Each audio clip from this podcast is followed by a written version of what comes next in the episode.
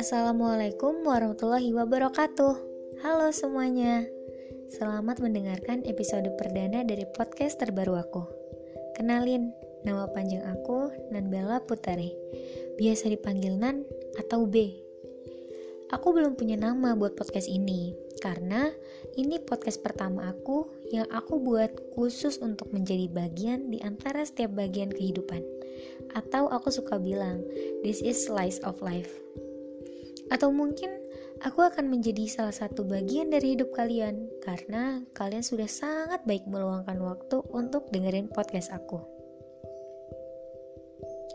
Oke, ini podcast pertamaku. Sesuai dengan judulnya. Kalian pasti pernah ngerasa sesedih itu selama kalian dikasih nafas sama Tuhan di bumi ini. Kalian yang selalu bertanya, kenapa sih harus jadi begini? Kenapa sih harus aku yang ngerasain? Kenapa mereka bahagia akunya enggak? Bahkan sampai di fase kalian tanya ke Tuhan, kapan giliran aku bahagianya? Tanpa kita sadar, kita sedang berada di perjalanan menuju kebahagiaan. Logikanya begini, kita nggak akan pernah tahu rasa masakan itu asin, manis, atau bahkan nggak ada rasa sama sekali kalau kita nggak berani coba masakan itu. Sama halnya dengan sebuah kebahagiaan yang nggak akan kalian pernah tahu rasanya sampai kalian bilang, oh ini yang namanya kebahagiaan.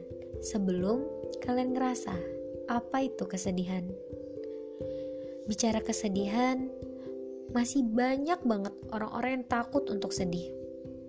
Atau bahkan selalu berusaha nahan dengan bilang, aku gak apa-apa, aku baik-baik aja kok. Aku gak sedih. Sampai yang paling fatal dengan bilang, aku gak perlu sedih. Kalimat yang terdengar menenangkan, tapi nyatanya semakin menyesakan. Perasaan manusia yang letaknya ada di hati manusia memiliki ruang untuk setiap rasa yang muncul. Tapi tanpa sadar, terkadang manusia suka buat rasa sedih dipaksa hilang tanpa diberi ruang.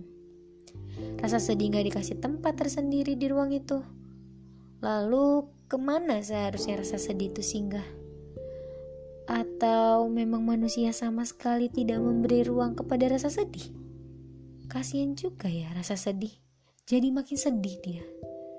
Yang akhirnya rasa sedih itu memaksa untuk meminta ruang di hati manusia hingga selalu mendominasi perasaan. Kenapa sih manusia suka gengsi mengakui kesedihan? Padahal kan udah jelas, semua rasa memiliki tempat di ruang hati manusia. Menurut aku nih ya, gak apa-apa kamu sedih. Sedih kan gak dosa, kecuali kamu bunuh diri karena kamu larut dalam kesedihan.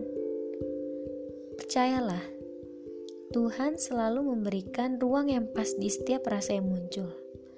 Akui kesedihanmu. Nikmati rasa itu. Buat rasa itu mengakui kalau kamu udah siap ninggalin dia untuk menerima rasa yang lain yang jauh lebih baik. Dan menjadikan rasa sedih sebuah fase menuju kebahagiaan. Sekarang aku mau tanya, siapa coba manusia paling hebat? Iya, manusia yang mengakui kesalahan, kekalahan, bahkan kesedihan dalam hidupnya.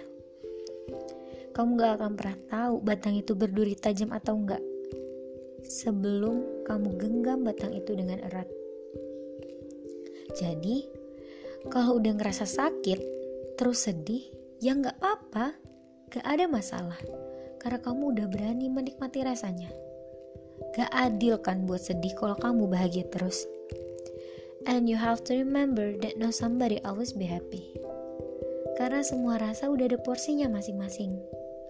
Makanya, aku selalu bilang, kalau kesedihan itu salah satu fase menuju kebahagiaan. Tapi bukan kebahagiaan yang kayak pelangi, yang cuma sesaat. Jadi sedih aja gak apa-apa. Gak usah takut, karena kamu cuma butuh menikmati rasanya dan membuat rasa sedih itu gak berlebihan. Terima kasih ya sudah dengerin podcast aku. See you di podcast aku selanjutnya.